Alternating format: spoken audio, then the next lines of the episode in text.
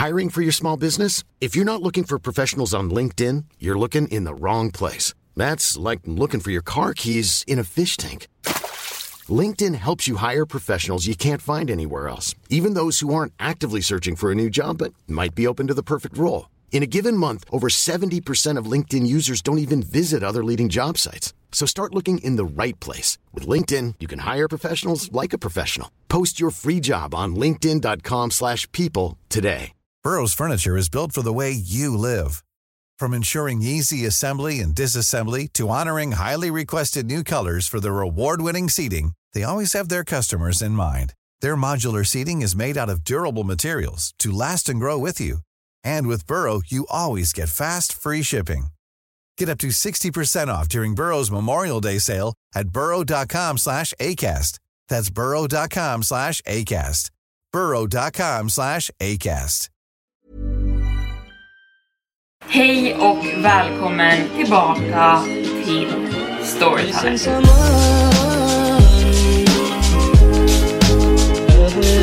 Varmt välkomna ska ni vara tillbaka till Storytime-podden med mig, Evelin Blomfelt. Jag vill be om ursäkt för att det inte kom något nytt avsnitt förra söndagen. Det var en väldigt körig och jobbig vecka för mig och varken tid eller energi fanns helt enkelt för podden. Men jag ber om ursäkt för det och nu är vi på banan igen med ett nytt avsnitt. Glöm nu inte bort att följa podden där du lyssnar på den så att du får notiser varje gång jag lägger ut ett nytt avsnitt. Jag uppdaterar ju podden på söndagar nu för tiden. Men nu ska vi sätta igång med dagens avsnitt. När jag ser tillbaka så kan jag inte avgöra om jag ska skylla mig själv för det som hände eller inte. Motellet hade lyst upp som en ljus oas i mitten av allt mörker på motorvägen den natten. Och vem som helst i min position skulle gjort samma sak. Eller hur? Jag vaknade med ett ryck med mina händer löst greppandes om ratten och däcken mjukt rullandes under våra fötter. Bilen hade börjat glida mot de vita markeringarna på sidan av vägen som markerar att man är på väg utför den. Mitt hjärta ökade takten i min bröstkorg när jag förstod att jag hade somnat bakom ratten. Jag rätade till bilen på körbanan medan mina händer började skaka av tanken på vad som kunde ha hänt om jag inte hade vaknat till. Sömnen hade bara tagit mig för en sekund. Vi var mitt ute i ingenstans och vägen såg likadan ut hela tiden. Det var en mörk, molnlös natt och gryningen var fortfarande en lång bit bort. Kristin låg fortfarande och sov på passagerarsätet bredvid mig, så hon hade inte märkt att jag hade somnat till. Men våran hund i baksätet gnidde oroat, full av ångest. Var det den som hade väckt mig? Efter att jag blinkade bort sömnen några gånger så såg jag den snirklande landsvägen tydligare igen. Upplyst av bara strålkastarna av min gamla Honda Civic. Vi hade kört i över 12 timmar och mina ögonlock kämpade för att hålla sig öppna. Jag hade passerat känslan av att känna mig väldigt trött.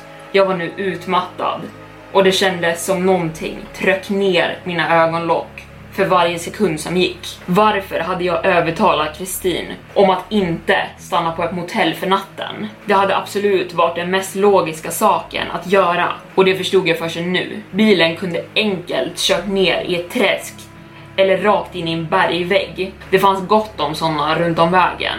Borde vi stanna för natten Gibson? Frågade jag. Min gamla blonda cocker spaniel i baksätet. Ha? Min fru vaknade till med ett ryck och jag rök till av förvåning av hennes plötsliga utbristande. Det fanns i alla fall inga bilar runt omkring oss på vägen den här tiden på natten. Klockan tre på natten så är de här landsvägarna helt övergivna. Vart är vi? mumlade hon medan hon blinkade sina sömndruckna ögon. Fortfarande flera timmar från Ottawa. Jag förstår inte hur du fortfarande klarar av att köra, sa hon. För att vara ärlig så känns det som att jag ska svimma när som helst, svarade jag medan jag lämnade ut detaljen om att jag faktiskt hade somnat för en sekund sedan. Nästa motell vi ser stannar vi på för natten. Halleluja för det, svarade hon medan hon släppte ut en till gäspning. Hon såg ut att vara i värre skick än mig. Vi hade båda jobbat övertid på senaste och vi hade inte fått tillräckligt med sömn någon av oss. Den här semestern var menad för oss att få lite välbehövd vila och sova ut och ta det lugnt. Men precis då skymtade en motell upp sig längs vägkanten framöver. Nästan som att den hade framkallats av bara våra ord. Det var ett gammelmodigt ställe med någon slags nostalgi som bara osade om det. Jag saktade ner bilen och körde in på parkeringen utanför motellet. Och att hitta en parkeringsplats var enkelt då det inte stod många bilar alls parkerade. Stället såg som sagt ut som ett äldre motell, kanske byggt under 50-talet någon gång. För det såg verkligen ut som att 50-talet var stilen de hade kört på. Det fanns en gigantisk neonskylt över motellet med en stor röd hästsko och under där stod namnet på motellet som var Hästskohagen vägmotell. Ordet lediga rum lös under det och jag hoppades att vi hade tur. Såna här ställen hittar man inte alldeles för ofta längs den här landsvägen. Även att det var öppet dygnet runt för människor på resande fot att bara checka in när som helst. Medan jag klev ur bilen började Gibson skälla och gny högt i baksätet. Uppskrämt och plågat med en hög gällton och jag hade aldrig hört henne låta på det här sättet förr. Kristin kyssade henne och försökte få henne att dämpa sig så att vi inte skulle väcka alla andra gäster på motellet. Jag väntade nervöst på parkeringen på att lampor skulle tändas och att folk skulle komma ut och vara upprörda. Men ingen gjorde det. Den enda lampan som var tänd var den bredvid entrén och det verkade indikera att någon var vaken för att checka in oss för natten. Jag ställde mig upp och stretchade en stund. Sen gick vi mot lobbyn och medans vi gick mot ingången började jag få en konstig magkänsla och det kändes som att min mage nu var full av sten. Lobbyn var starkt upplyst när jag klev in och det stod en gammelmodig träradio i hörnet av rummet och spelade musik. En blek man med glasögon som hade tjocka ramar satt bakom disken. Han hade en gammelmodigt mönstrad t-shirt som såg ut som att den hade flytt från 50-talet. Men nu när jag tänker på det så såg hela lobbyn ut som att den hade kommit direkt från 50-talet. Radion, kalendern på väggen och den svarta rotationstelefonen som stod på disken. Den här mannen måste ha varit en väldigt flitig samlare på gamla föremål och jag antog direkt att han var ägaren av motellet. Eh, hej, jag hoppades på att hyra ett rum för natten, sa jag. Han ställde sig upp och log mot mig. Hans tänder var kritvita och stora. Du och tjejpolaren behöver alltså ett rum för natten, sa han medan han lutade sitt huvud på sniskan. Den här mannen gav de mest obehagliga vibesen tänkbart. Hans bleka ansikte såg på mig med ett ansiktsuttryck jag inte riktigt kan beskriva. Hans ögon var uppspärrade konstant, som att han hela tiden var förvånad. Hur mycket tar ni för ett rum? Vi kommer bara stanna här i några timmar, sa jag medan jag kände mig obekväm. Min mage knöt sig ytterligare bara av åsynen av den här mannen. Hans leende var obehagligt och opassande och det var också sakerna han sa och hans uppförande. Det fick mig att vilja bo någon annanstans. Vart som helst förutom här. Han höll också störande lång ögonkontakt med mig. Men sen kom jag på att klockan var tre på natten och vi var mitt ute i ingenstans.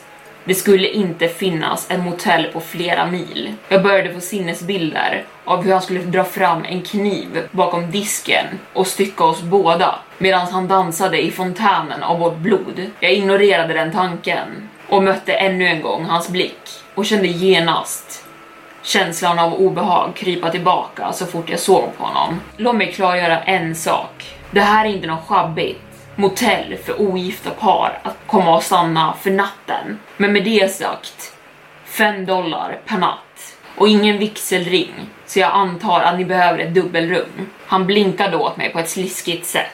Vi tar ett singelrum, sa jag medan jag drog ut mitt kreditkort utan att ens tänka på hur absurt lågt priset var. Jag var alldeles för trött för att ens notera vad han faktiskt hade sagt förrän efteråt. Vad det där än är, så tar vi inte emot det. Om du inte har brödet så kan du dra härifrån. Du och din dejt kan gå tillbaka till att spela baksätesbingo. Och okej, okay, svarade jag förvirrad. Tar ni debit? Han bara skrattade och skakade sitt huvud till ett nej. Han såg ut att vara helt redo att sparka ut oss vid det här laget. Sen fick han syn på den antika klockan som satt på min vrist. Det hade varit en gåva från min döda far och hans ögon vidgades när han granskade den. Jag kan ta den där som pant. Hur låter det? Ge mig klockan för natten så får ni bo i rummet. Imorgon kan ni åka in till staden och ta ut pengar och betala mig för rummet. Och då ger jag tillbaka klockan. Hur låter det? Deal? Han låtsades spotta i sin handflata och sträckte sedan fram sin hand mot mig för att skaka. Halvt äcklat sträckte jag fram min för att skaka. Sen drog jag av mig klockan och gav den till honom. Jag älskade den där klockan extremt mycket. Inte för att den var värdefull alls, men för att det var ett sentimentalt minne för mig. Men jag var alldeles för trött för att börja tjafsa med honom. När han gett oss våran nyckel och vi skulle lämna lobbyn sa han efter oss. Och just det, en sista grej. Försök att inte väcka de andra gästerna. De kommer inte att uppskatta det. Med den konstiga, illabådande varningen lämnade vi lobbyn med nyckeln i handen. Efter att ha kollat på träbrickan som satt fast i nyckeln kom vi fram till att vi hade fått rummet som låg längst bort på änden av motellet. Rum 14 låg precis bortom vart vi hade parkerat våran bil. Ännu en gång var Gibson extremt orolig när vi kom tillbaka till bilen för att ta ut henne. Hon satt sig bestämt framför ingången till rummet och vägrade gå in. Till slut plockade jag upp henne och bärde henne in medan Kristin stängde dörren efter oss. Vi lämnade allt vårt bagage i bilen. Vi var alldeles för trötta och utmattade för att orka byta om från våra svettiga, smutsiga resekläder. Rummet i sig påminde om lobbyn. Träpaneler med en tråkig brun ton och krämvit färg, uppenbart inspirerad av 50-talet. Allting påminde om 50-talet där inne. Från väggarna till den gamla tv-apparaten som spelade svartvita filmer. Stolarna var minimalistiska och såg väldigt obekväma ut. Soffan var också samma sorts retro. Den hade en mörkröd lila ton som var klassiskt kopplad i minnet med just 50-talet. Det var uppenbart att det var temat av hela det här stället. Två väldigt simpla sängar var prydligt bäddade med vad som såg ut att vara väldigt sträva överkast. Jag slängde mig direkt på sängen som stod närmast dörren och Kristin sträckte ut sig på den andra. Hej, eftersom vi fick två sängar så kan jag lova att jag tänker sova i min egen. Ta inte illa upp. Äh, det är lugnt. Jag vill inte sova bredvid dig heller. Du har klibbiga ben, sa jag skämtsamt. Och hon bara log tillbaka, sömndrucken. Nåväl, och du snarkar. Jag tänker somna nu. Jag är helt utmattad. Kan du sätta ut en vattenskål åt Gibson? Oh, Okej, okay, sa jag skämtsamt irriterad. Kom igen Gibson, vill du dricka lite vatten? Men Gibson verkade inte höra mig. Hon satt kvar vid ytterdörren om hotellrummet och vägrade röra på sig medan hon krafsade på den så som att hon ville ut. Åh, oh, jäklar. Jag glömde ju släppa ut henne på gräset när vi kom fram. Jag kommer snart tillbaka, jag måste ta ut henne. Jag kopplade min hund och tog med henne ut till gräsplätten utanför motellet. Jag tänkte att hon skulle behöva kissa för natten, men det behövde hon inte.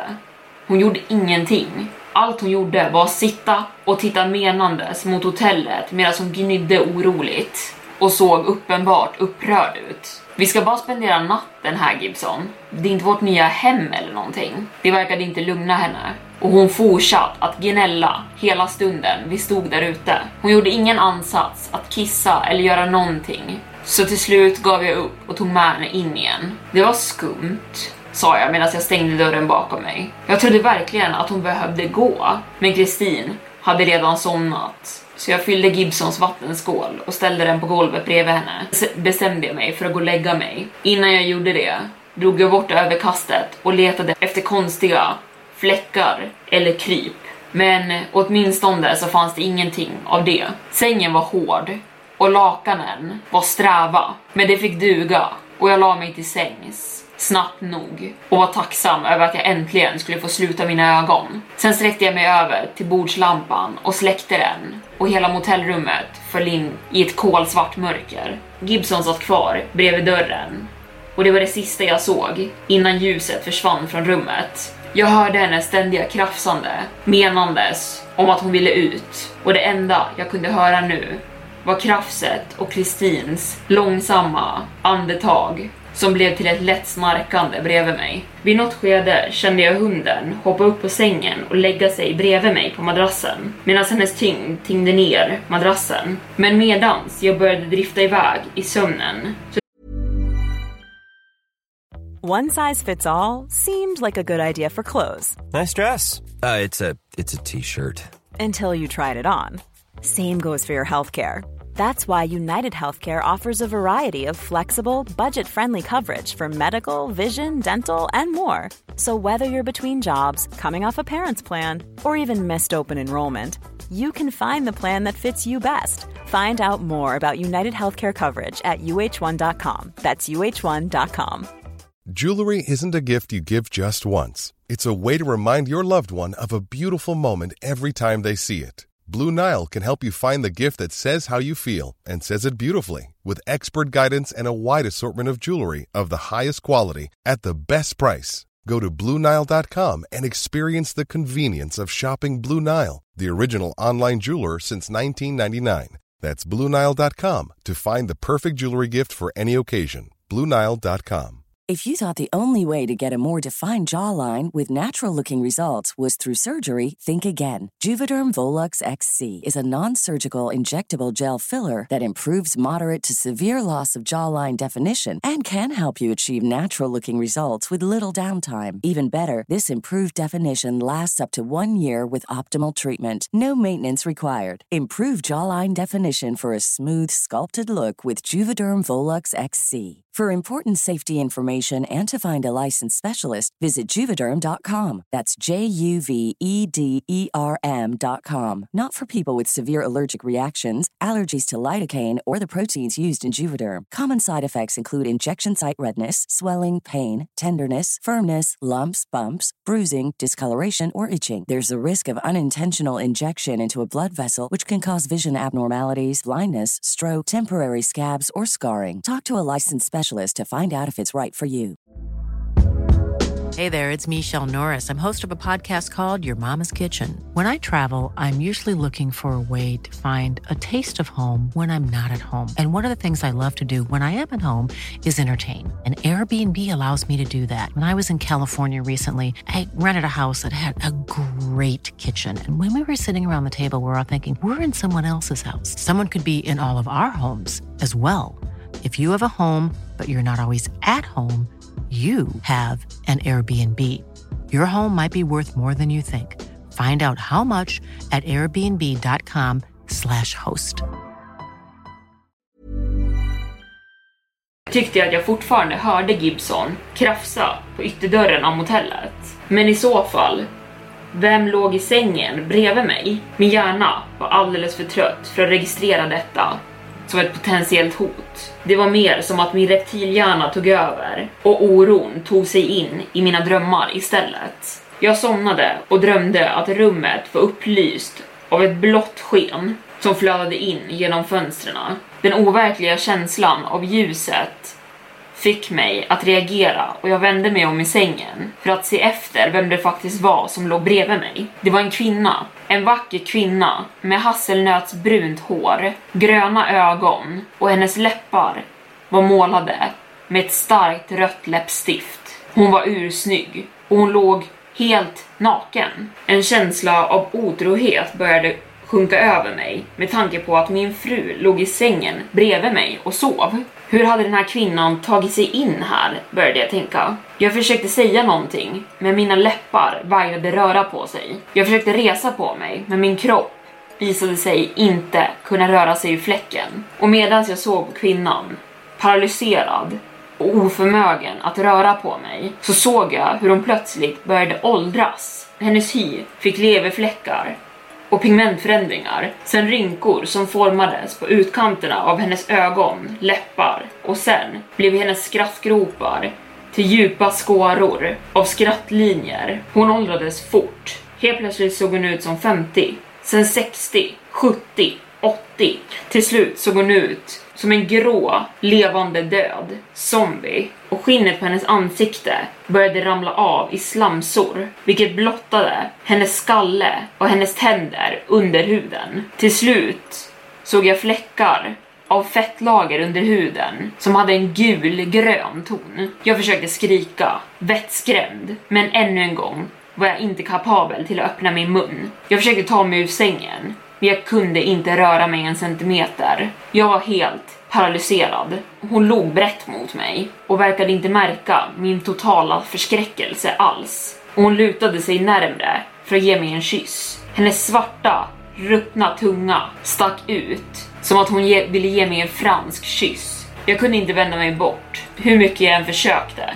Hennes förruttnade, fuktiga hud kom i kontakt med min medan hon kramade om mig. Nu räcker det, kom helt plötsligt en röst som avbröt från ytterdörren. Den bekanta rösten tillhörde motellägaren och jag vaknade direkt. Skakandes försökte jag desperat leta efter lampknappen bredvid min säng medan jag kände efter på stället på sängen där kvinnan nyss hade legat. När jag såg mot andra änden av sängen förväntade jag mig att få syn på henne, men istället såg jag bara mörker. Hela rummet var återigen fyllt av mörker och utan ens månljus så kunde jag inte avgöra några detaljer i rummet och ingenting kunde stadga min panikslagna hjärna. Gibson hade nu börjat morra dovt och det bekräftade bara min skräck. Jag letade mer desperat efter lampknappen och hittade den till slut. Med min skakandes hand lyckades jag slå på den och vad jag såg i en kort sekund när ljuset fyllde rummet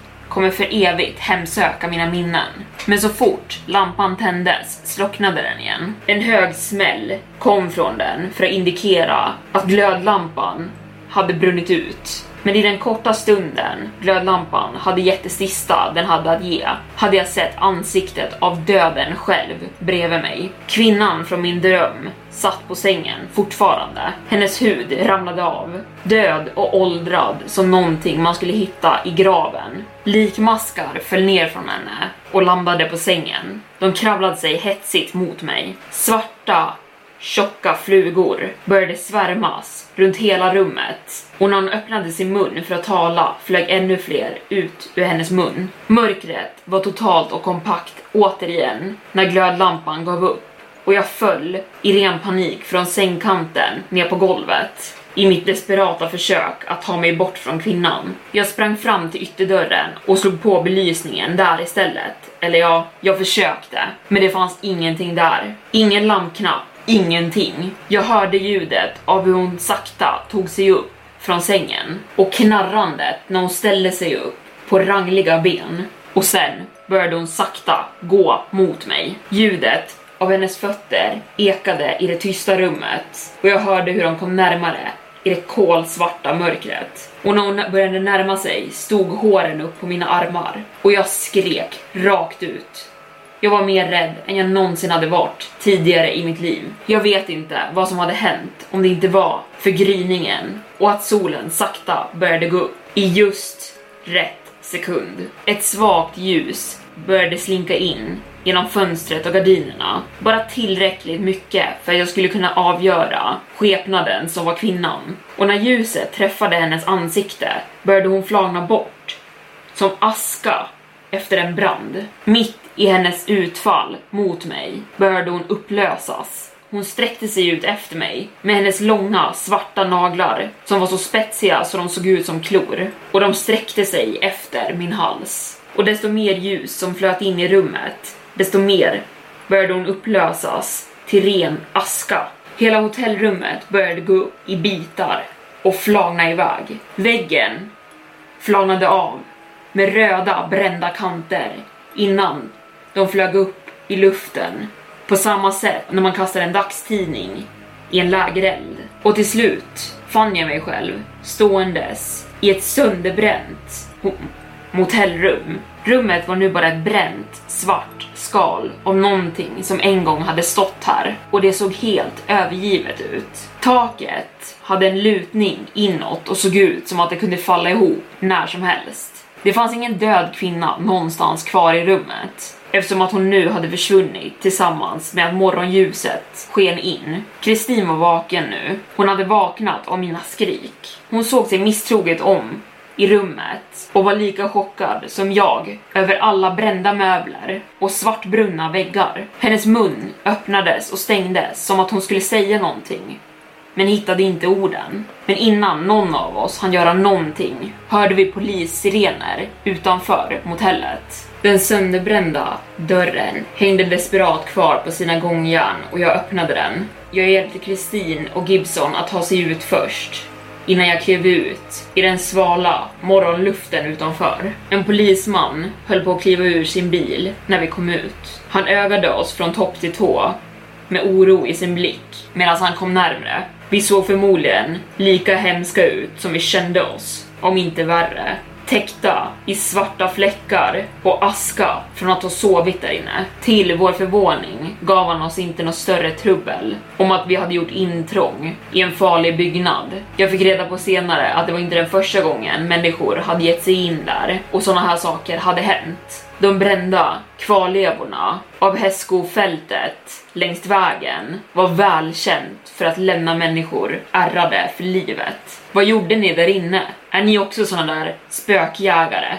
Frågade polisen oss. Jag tror inte ens jag behöver tala om för er att det inte är säkert att vistas sig där inne. Jag vände mig om för att se på motellet och jag förstod absolut vad han menade. Byggnaden var bara ett bränt skal av det vi hade sett för några timmar sedan. En brand hade uppenbarligen slukat nästan hela byggnaden för flera, flera år sedan och dess tak var helt svartnat och infallet på flera ställen med stora hål synliga och hade lämnats utan att repareras efter branden. Nej, vi är inte spökjägare. Det känns som att jag har sett tillräckligt med spöken för en livstid efter att ha sovit där inne. Hans ögon vidgades av skräck.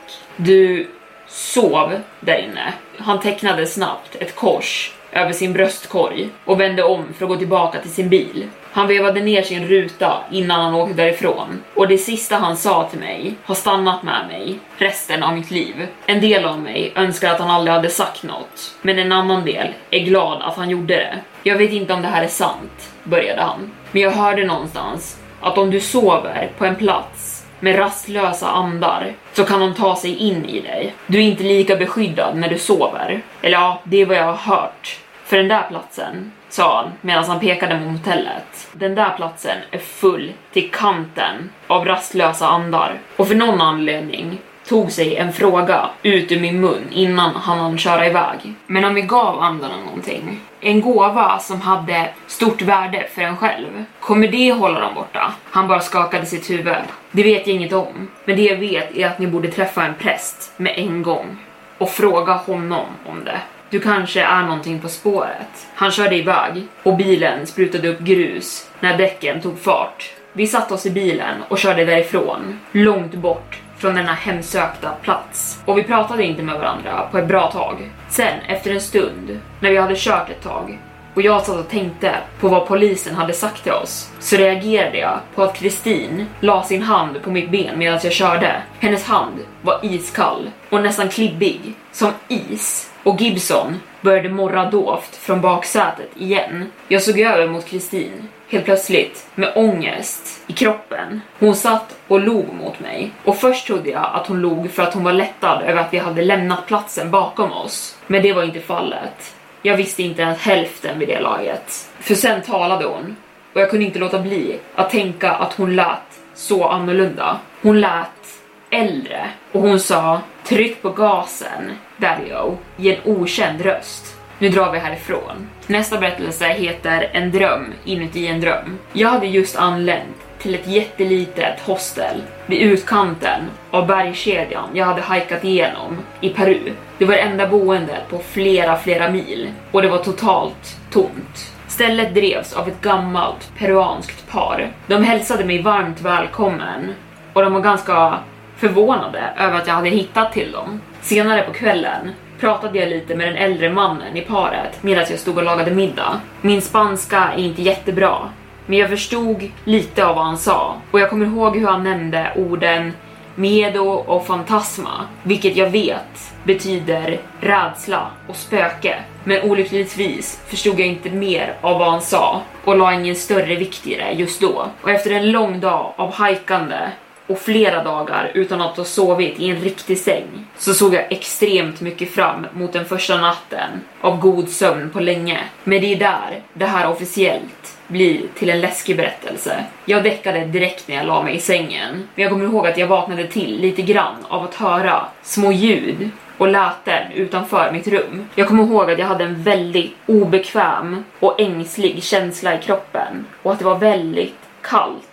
Jag såg upp mot dörren flera gånger eftersom att jag fick en dålig känsla och jag märkte nu att den stod lite på glänt. Sakta såg jag upp ovanför dörrkarmen och fick syn på en varelse som satt precis ovanför dörröppningen med ett skräckinjagande ansikte. Jag kommer ihåg att den såg ner på mig och jag kände mig direkt förstelnad medan jag såg på varelsen i skräck. Helt plötsligt sköt jag upp ur sängen till sittande position genomblöt av svett och jag insåg att det hade varit en mardröm. Jag kände någon känsla av lättnad vid insikten av att det bara hade varit en dröm.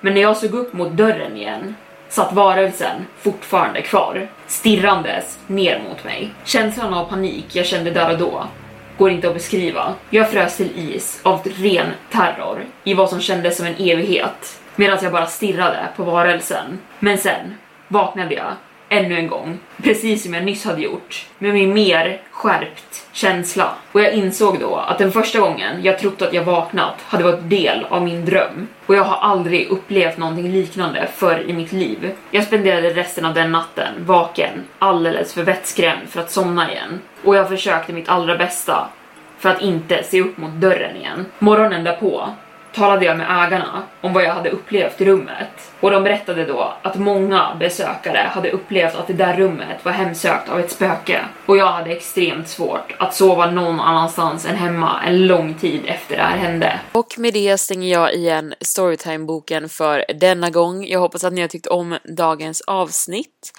Vi hörs igen nästa söndag med ett nytt avsnitt av Storytime podden. Tills dess, glöm inte bort att följa podden där du lyssnar på den och slå på notiser. Så vill jag tacka för att du har lyssnat idag.